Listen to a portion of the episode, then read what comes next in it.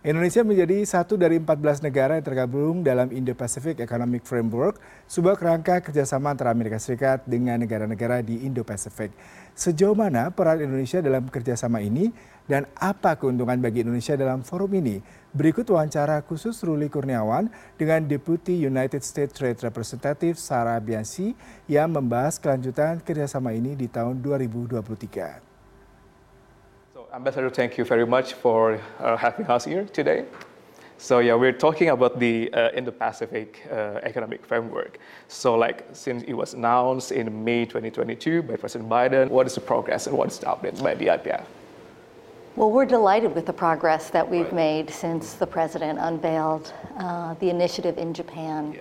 And we think that it's really designed to uh, address future economic challenges. We learned so much from the pandemic and some of the supply chain challenges and so much of what's going on in really the digital economy that we're living in. And the Indo Pacific Economic Framework is really designed to address some of those challenges. So, since uh, the president unveiled the initiative, we've had a really successful meeting in Los Angeles uh, with all of our partners to agree on sort of a roadmap forward, a negotiating mandate.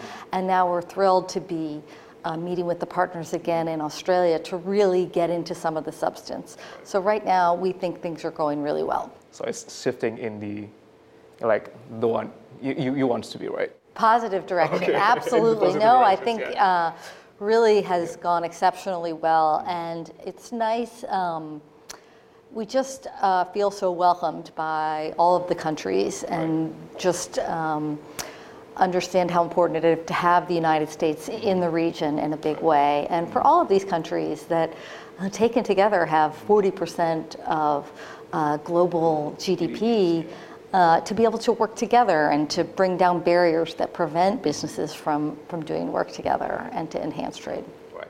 So, do you think the uh, Indo-Pacific Economic Framework will be effective in countering China's influence in the regions?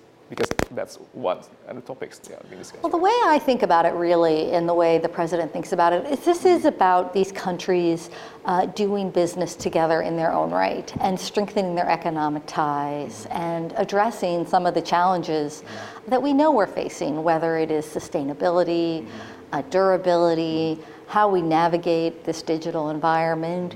It's really important for these very impactful economies to come together and have rules of the road. Mm-hmm. Of that, we think will make for a much more resilient region uh, and a better economy for all of us. So uh, there are some issues between the leaders in the IPEF uh, members, you know, like uh, about the market access and the trade facilitations.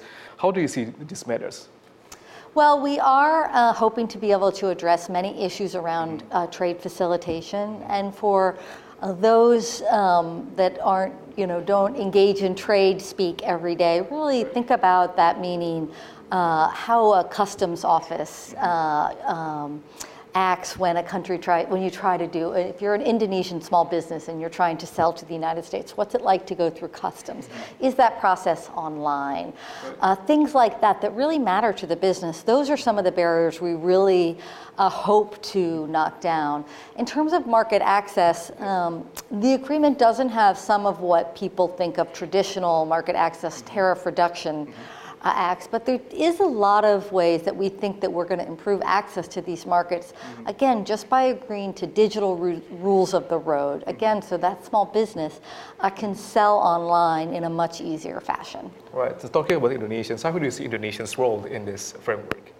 Well, Indonesia's been a great partner to the United States and has been a great partner in the Indo Pacific Economic Framework. We are really grateful uh, for involvement. Uh, you know, Indonesia is the fourth most populous country in the world, and uh, the activity here makes a really big difference. And they've been uh, not only helpful in agreeing to some of the terms, um, but also helping play a leadership role in encouraging other countries to come on board. So we're very grateful uh, for all of that. And we think that uh, there's a lot of advantages to Indonesia. There's a lot of potential uh, for more trade uh, so, out of the country. So do you think that with uh, joining the IPEF, it will increase significantly our partnership in the coming years, right?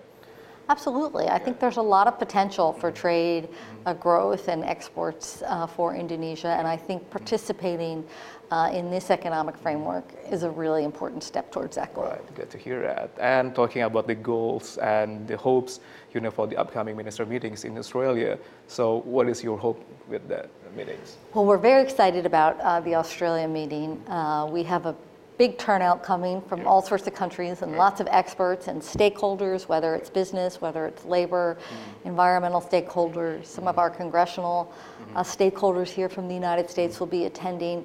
What we really want to do is to get through some of the critical issues on the table. So in each negotiating round, uh, we tend to select, call it three to four issues. And so we're going to get to discussing issues around uh, agriculture and good regulatory practices, um, things like trade facilitation, and really hoping to make a lot of progress uh, on those chapters and get some momentum going into 2023, which will be a very big and busy a year for the Indo-Pacific Economic right, Framework. Right. Well, thank you very much for the insight, uh, Ambassador. Thank you very much. And hopefully, uh, what you said before, there's a goals and hopes for the upcoming meetings. We can achieve all those.